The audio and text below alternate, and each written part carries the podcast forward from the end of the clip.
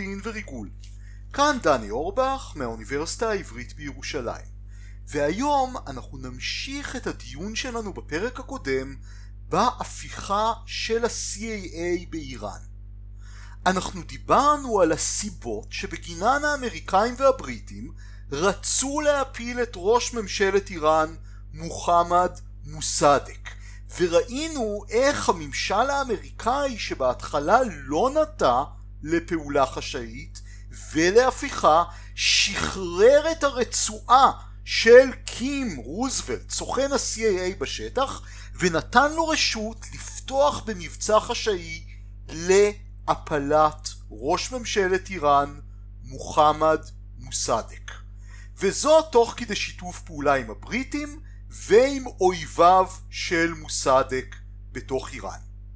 וכשסיימנו את הפרק הקודם שלנו, פרק מספר 12, ראינו שתוכנית ההפיכה האמריקאית, אותו מבצע חשאי של ה-CIA, נקרא TP אג'קס, TP אלו האותיות שמציינות את איראן, אג'קס זאת החברה של שואבי האבק, כלומר לשאוב את מוסדק החוצה מאיראן, הבריטים שכל המהומה הזאת במידה רבה פרצה בגללם, בגלל הלאמת הנפט שלהם, קראו למבצע בשם הרבה פחות מנומס, Operation Boot, מבצע מגף, לבעוט את מוסדק לכל הרוחות.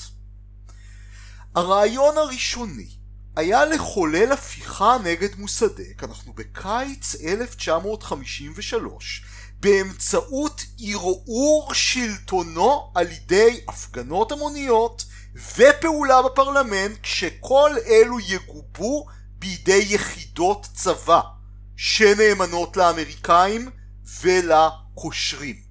מי שניהלו את המבצע היו הסוכנים של ה-CAA בשטח, עלי ג'ללי ופרוק היווני ואותם סוחרים עשירים שעבדו עבור הבריטים, האחים רשידיאן. מה למעשה הם רצו לעשות? כל החבר'ה האלה של ה-CAA וה-MI6 קנו חברי פרלמנט, שילמו למובילי דעת קהל, הפיצו תעמולה והתסיסו את דעת הקהל נגד מוסדק. אמרו שהוא משתף פעולה עם הקומוניסטים, אמרו שהוא דיקטטור אנטי דתי. ולשם כך ה-CAA מקצה לקושרים 150 אלף דולר לאותו מבצע תעמולה, סכום מאוד גבוה באותם הימים. לפי התוכנית, התסיסה הזאת אמורה באוגוסט להתפתח להפגנות המונים שיאורגנו בידי אותם אנשים שפעם תמכו במוסדק אבל עכשיו יצאו מהקואליציה שלו כלומר איש הדת הבכיר האייתולה קשני ומנהיגי מפלגת העמלים עם הכנופיות והבריונים שלהם. אחד מהחוקרים החשובים של הפרשה מרק גוסיירובסקי חושב שההשפעה של כל הברואה והטררם של ה-CAA עם אותם הפגנות היה יחסית שולי ובעיקר העצים טרנדים קיימים. שיא התוכנית הייתה אמורה להיות סיט אין בפרלמנט כלומר המתנגדים של מוסדק יפרצו לפרלמנט, ישבו שם, יסרבו לקום, יכריזו על מוסדק כדיקטטור אנטי דתי וידרשו מחברי הפרלמנט להפיל אותו בחסות השעה. את כל הסיפור הזה יגבו יחידות הצבא שנאמנות ל-CAA בראשותו של גנרל זהדי והיחידות האלה, כך התוכנית, ימנעו מהמפלגה הקומוניסטית האיראנית, מפלגת טודה, ומהתומכים של מוסדק מהחזית הלאומית להתערב. מוסדק נבהל מאותו מסע מתפתח של קניית חברי פרלמנט. ולכן ברביעי באוגוסט הוא מכריז על משאל עם יחסית מפוקפק ובו הוא מבקש ומקבל רשות מהעם לפזר את הפרלמנט ואכן מפזר אותו. בדיעבד, יש כאלו שאומרים שזאת הייתה טעות מאוד מאוד קשה. מפני ש-79 מחברי הפרלמנט, שני שליש מ-79 חברי הפרלמנט, תמכו במוסדק ממילא. ובכך שהוא פיזר את הפרלמנט הוא לא רק פגע גם בתומכיו, אלא נתן לשאה תירוץ להפיל אותו. מכיוון שלפי פרשנות מסוימת של החוקה האיראנית, היה מותר לשאה למנות ראשי ממשלה כשאין פרלמנט פעיל. לעומת זאת יש כאלה שחושבים שמוסדק עשה נכון ובאמצעות הפעולה המהירה שלו ברביעי באוגוסט סיכל את המזימה של ה-CAA באיבה. קרמיט קים רוזוולט, מפקד ה-CAA באיראן, לא מתייאש ולא מוותר ומחליט להמשיך בפעולה למרות הכל ולא בפעם האחרונה אבל עכשיו הוא רוצה להפוך את תוכנית ההפיכה, את אותו מבצע חשאי להפלת מוסדק, לעממית הרבה פחות וצבאית הרבה יותר. באמצעות הקשרים של ה-CAA וגנרל זהדי בקרב קציני צבא, האמריקאים מכינים יחידות צבא שמתנגדות למוסדק, שמים אותם בבתי מבטחים ברחבי טהרן. ברשת הזאת היו בעיקר קצינים וחיילים מחטיבה מספר 3, אחת מהחטיבות בטהרן, המפקדים של החטיבות האחרות קשה היה לסמוך עליהם.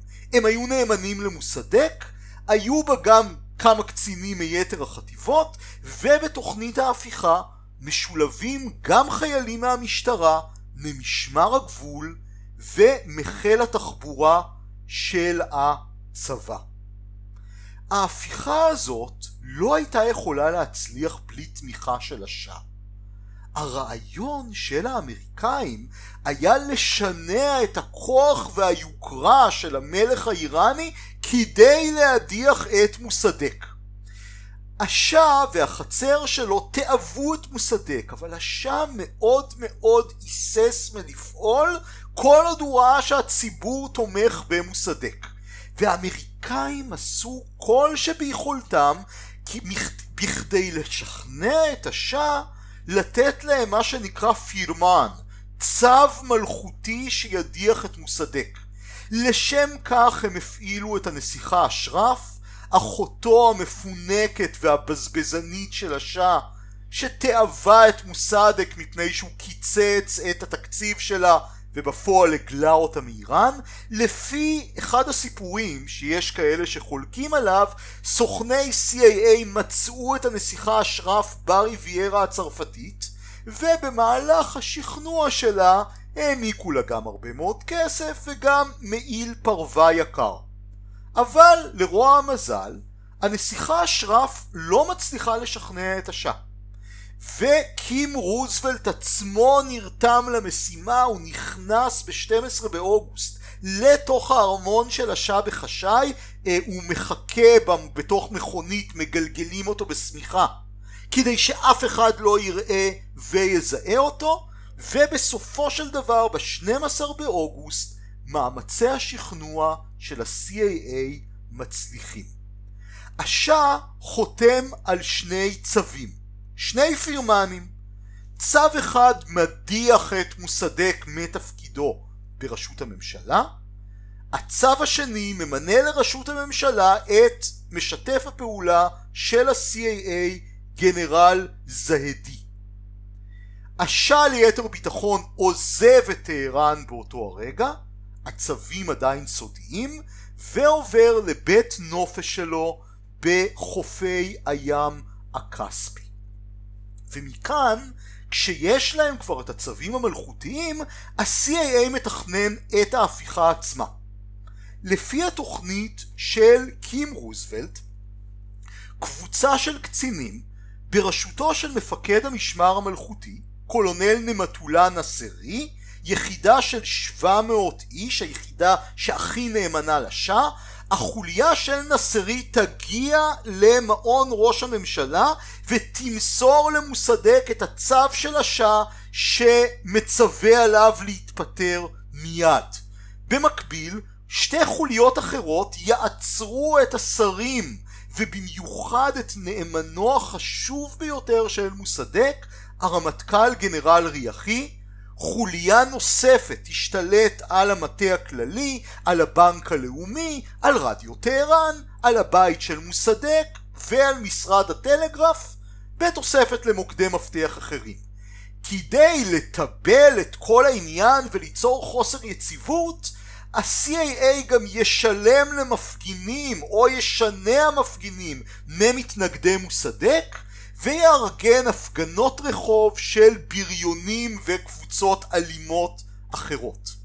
חלק מאותם בריונים התחפשו לאנשי המפלגה הקומוניסטית ויתקפו אנשי דת כדי ליצור פרובוקציות ואז אנשי דת אחרים יאמרו הנה הבריונים הקומוניסטים של מוסדק תוקפים את הממסד הדתי. ההפיכה סוף סוף יוצאת לדרך ב-15 באוגוסט. לרוע מזלם של הקושרים היא נדחית ביום. היא הייתה אמורה להיות ב-14 באוגוסט אבל מסיבות כאלה ואחרות אה, כיווני וג'ללי המפקדים של רשת ה-CAA באיראן דוחים את המועד ביום. זאת הייתה טעות קשה. הדחייה של מועד ההפיכה ביום נותנת למוסדק זמן לאסוף מודיעין על תוכניות ההפיכה, מוסדק מקבל מידע מוקדם, בין היתר מקצינים שבסתר נאמנים למפלגת תודה ומצליחים להשיג מידע על התוכניות של הקושרים. ומכאן ההפיכה של ה-CAA ב-15 באוגוסט נכשלת באופן מחפיר. הכישלון מתחיל כבר עם לב ההפיכה, החוליה של קולונל נסרי שאמורה להגיע למוסדק ולמסור לו את הצו שמפטר אותו. במקום שנסירי יעצור את מוסדק, מוסדק עושה, עוצר את נסירי.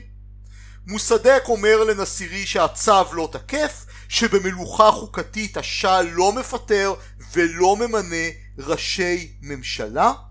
אחד מחברי החוליה של נסירי היה שייך למעשה לארגון הצבאי של תודה של המפלגה הקומוניסטית והוא החליף נאמנות ברגע העימות וסייע לשומרים של מוסדק להתגבר על המורדים של נסרי. גם החוליות האחרות נכשלו. החוליה השנייה לא מצליחה לתפוס את האיש המרכזי של מוסדק, הרמטכ"ל גנרל ריחי, שמצליח לברוח מבית הקיץ שלו ולהגיע לבניין המטה הכללי, גם החוליה שאמורה לכבוש את המטכ"ל נכשלת באופן מחפיר. ברגע שגנרל ריחי מגיע למטה הכללי הוא מוסר הוראות לכל מפקדי הצבא לנוע ולדכא את ההפיכה מיד. כוחות צבא נאמנים למוסדק מפרקים את היחידה המרכזית של המורדים, את המשמר המלכותי מנשק, ומנהיגי ההפיכה, כמו עכברים, מתחילים לברוח ולהסתתר במקומות שונים בטהרן, לרבות בשגרירות האמריקאית. זהדי, עצמו מנהיג ההפיכה, מסתתר בבית של אחד מאנשי ה-CAA. שימו לב לכלל מאוד חשוב בהפיכות. נאוניהל סינג, חוקר ההפיכות אולי המקורי והחשוב ביותר בימינו, כתב שכדי שהפיכה תצליח, אנשים צריכים לחשוב שהיא עומדת להצליח ממילא. למה? מכיוון שבזמן הפיכה לרוב רוב הקצינים יושבים על הגדר והם מצטרפים לצד שלדעתם עומד לנצח וכך גם במקרה של מוסדק קצינים שישבו על הגדר הבינו שהדינמיקה נוטה לטובת מוסדק והם מצטרפים למתנגדי ההפיכה. הפגנות למען מוסדק מתחילות בטהרן שמשתתפת בהם גם המפלגה הקומוניסטית אבל ממש לא רק היא. שר החוץ חוסיין פטמי נושא סדרה של נאומים בהפגנות וברדיו שבהם הוא מכנה את השאה בוגד העיתון של פטמי מכנה את הארמון של השאה בית זונות. טהרנים, תושבים בטהרן מתחילים להוריד את התמונות של השאה מהבתים, מבתי עסק וממסעדות. המונים תוקפים פסלים של השאה, אפילו תוקפים את המזאולאום של השאה הקודם של אבא שלו בטהרן.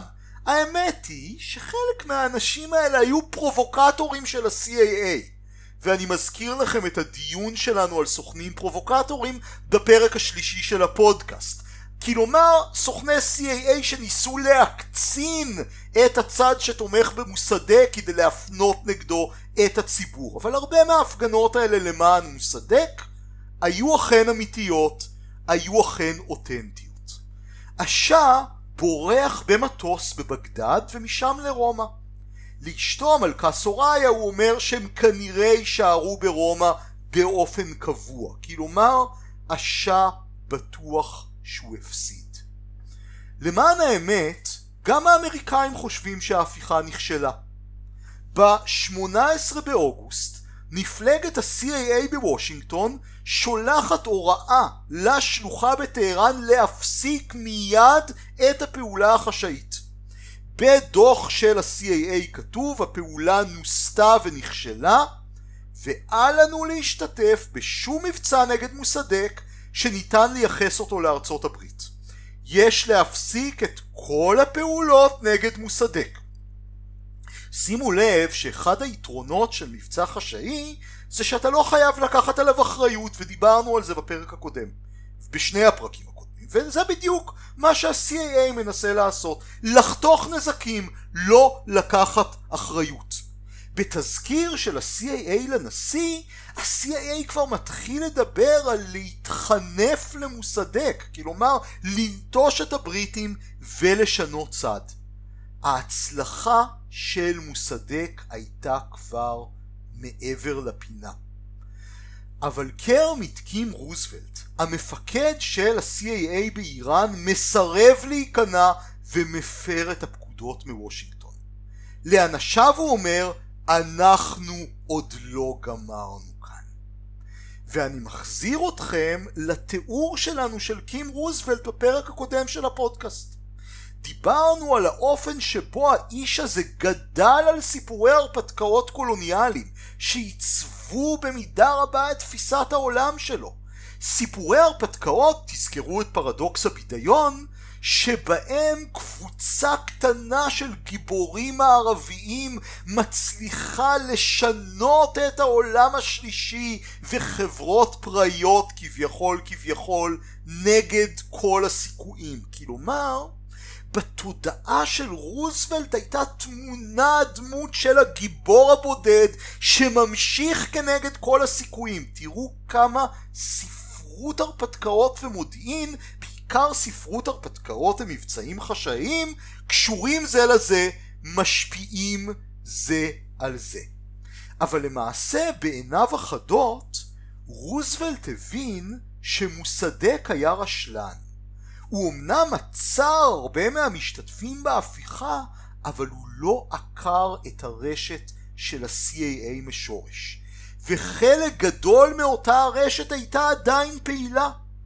ב-18 לאוגוסט ה-CAA משלם למפגינים כדי שהם יזייפו התקוממות קומוניסטית ויפגעו בסמלים מלוכניים, כדי לקומם חלקים גדולים בצבא ובאוכלוסייה. הנהגת המפלגה הקומוניסטית תודה שלא ידעה על ההפגנות המזויפות פותחת בלי קשר בהפגנות של עצמה למען מוסדק שם הם קוראים לרפובליקה דמוקרטית קריאה מאוד קיצונית שאיראנים רבים לא מזדהים איתה.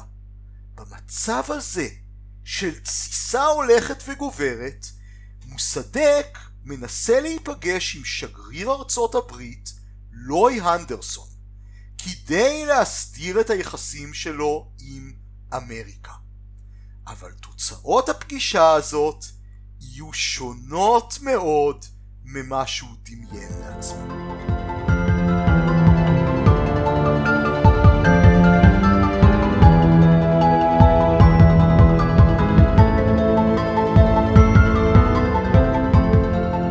שגריר ארצות הברית באיראן, לואי אנדרסון, לא היה נוכח באיראן בזמן ההפיכה.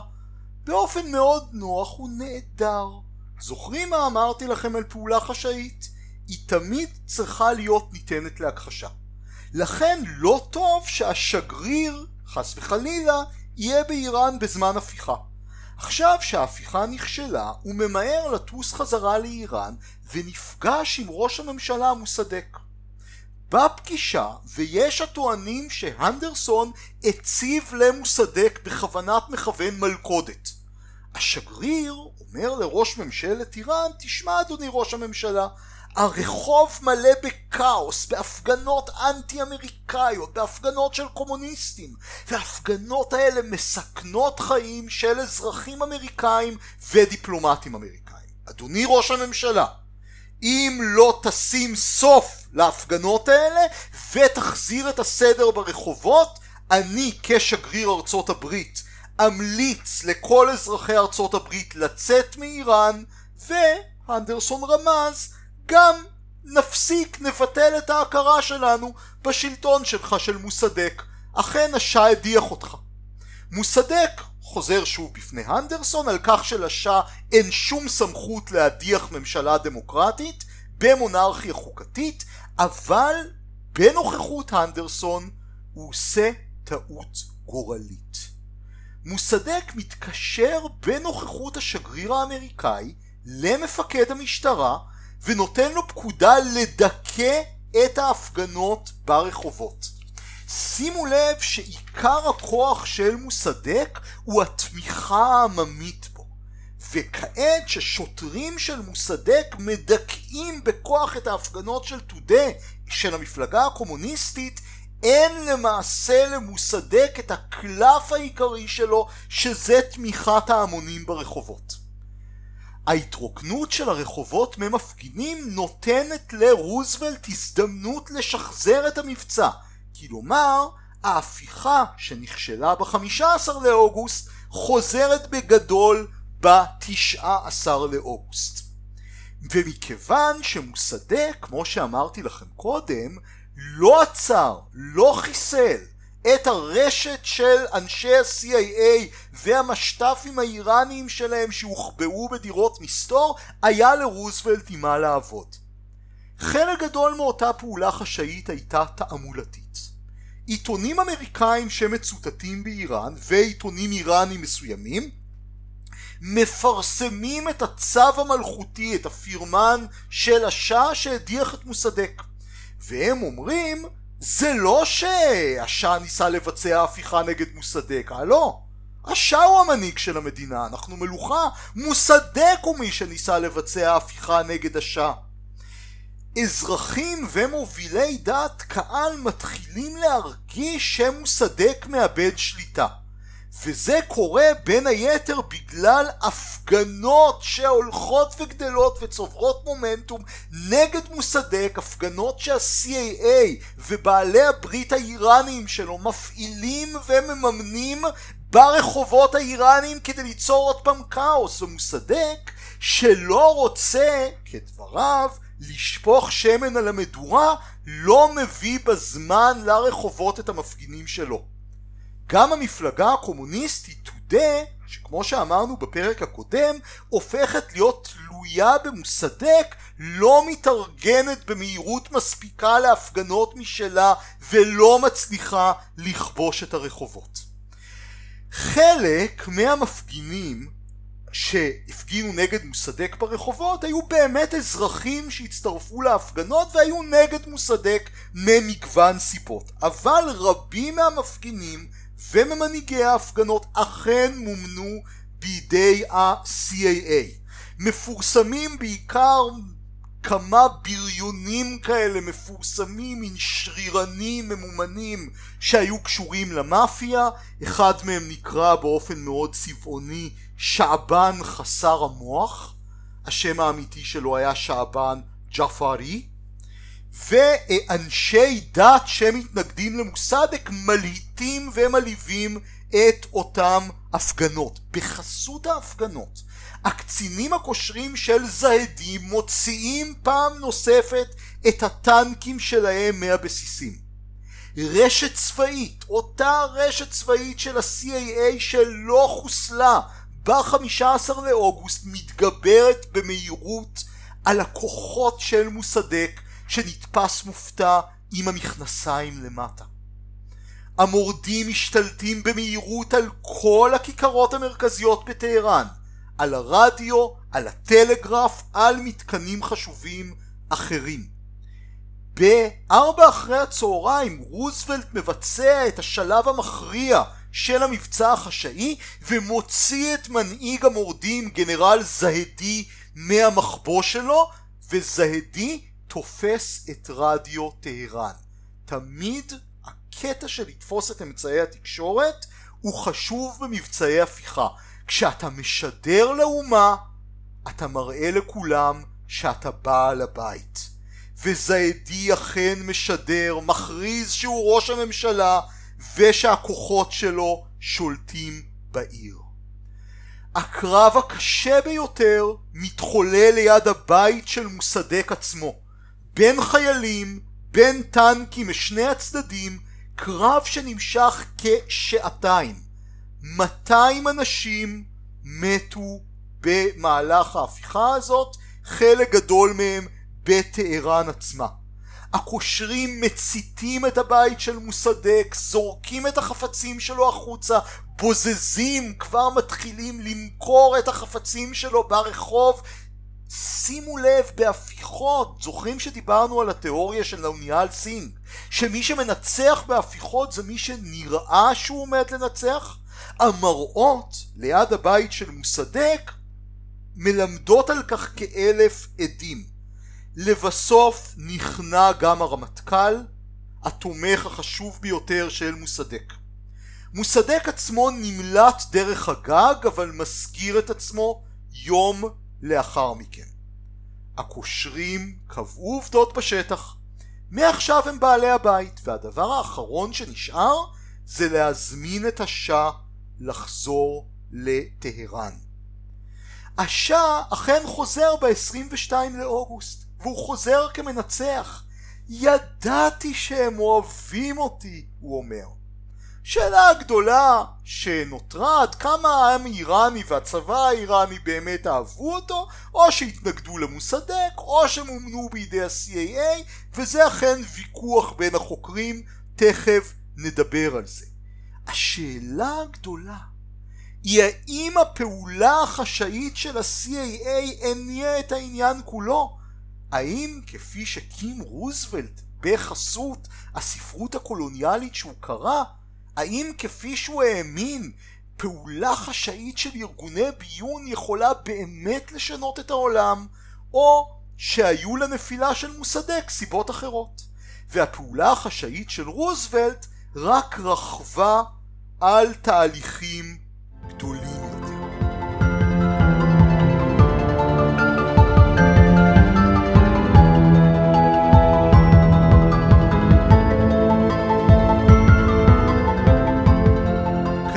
עד היום מחלוקת מה היו הסיבות האמיתיות לנפילת מוסדק.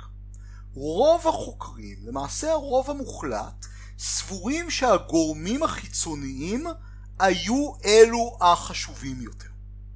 כלומר ההתערבות של ה-CAA וה-MI6, בעיקר ה-CAA, היא זאת שהפילה את מוסדק.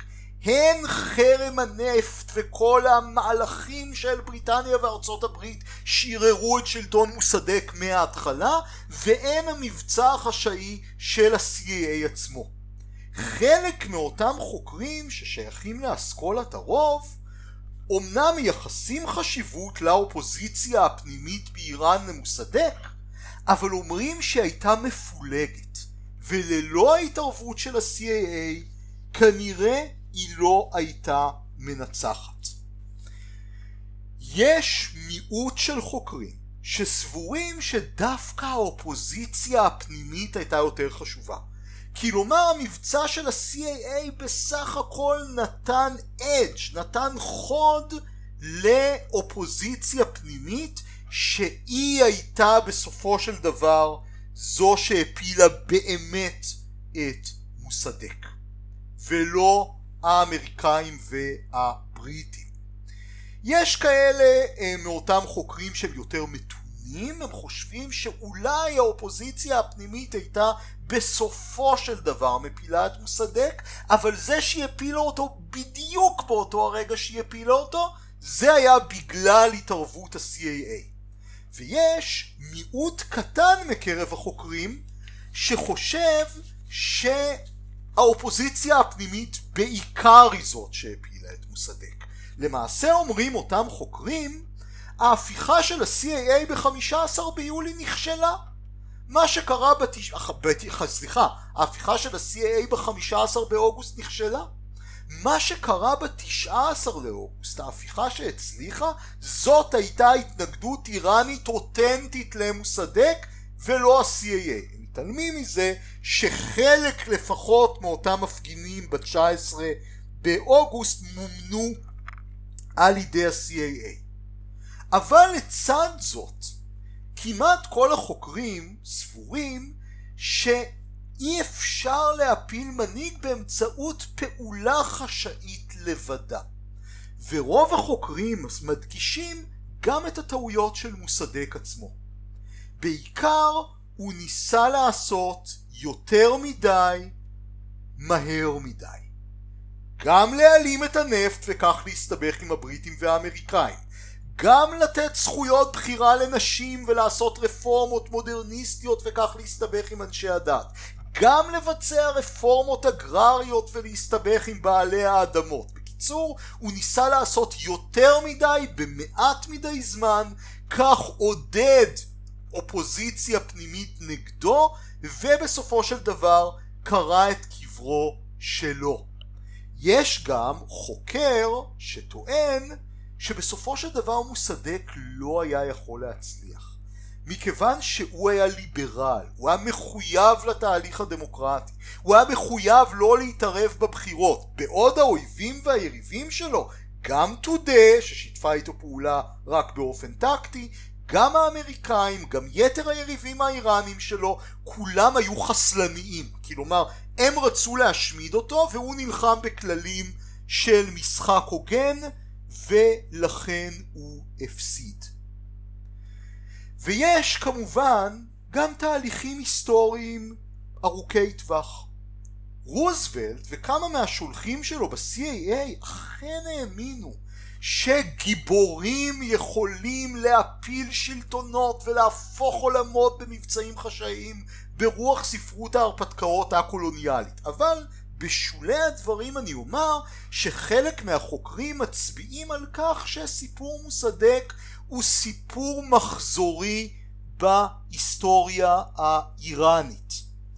בין אם תהליכים ארוכי טווח שעברו על שוק הנפט, בין אם ההקשר של המלחמה הקרה, בין אם גלים של מהפכות באיראן נגד שליט שנתפס כשרירותי ולא צודק, אז כאוס ואז איזה איש חזק שמנסה להרוויח מהכאוס ולהשתלט על המדינה.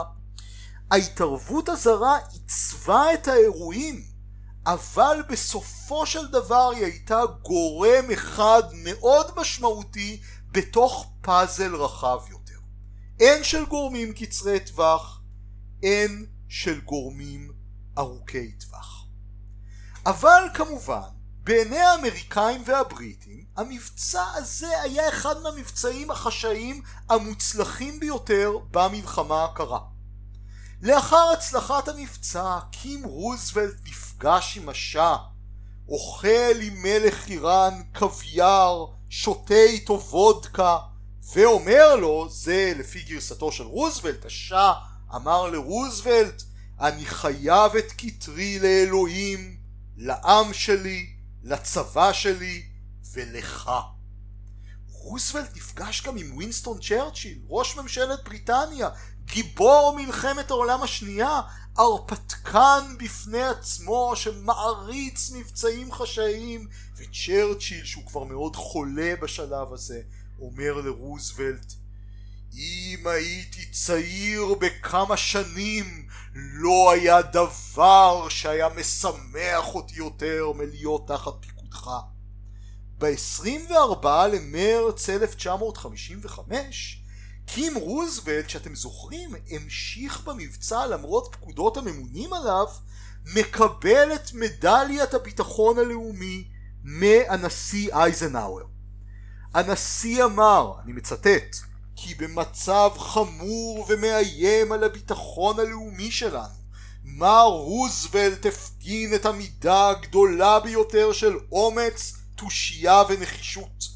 ההישג שלו משקף את המסורות הנעלות ביותר של שירות לארצות הברית, וראוי להכרת התודה של הממשלה. כתוצאה מאותה הצלחה, רוזוולט עולה כפורח בשרשרת הפיקוד של ה-CAA ומתמנה לסגן של פרנק ויזנר במנהל התוכניות, אותו מנהל ב-CAA שאחראי על פעולה חשאית עד שרוזוולט פורש מהשירות ב-1958. אבל אתם זוכרים מה אמרתי לכם על פעולה חשאית?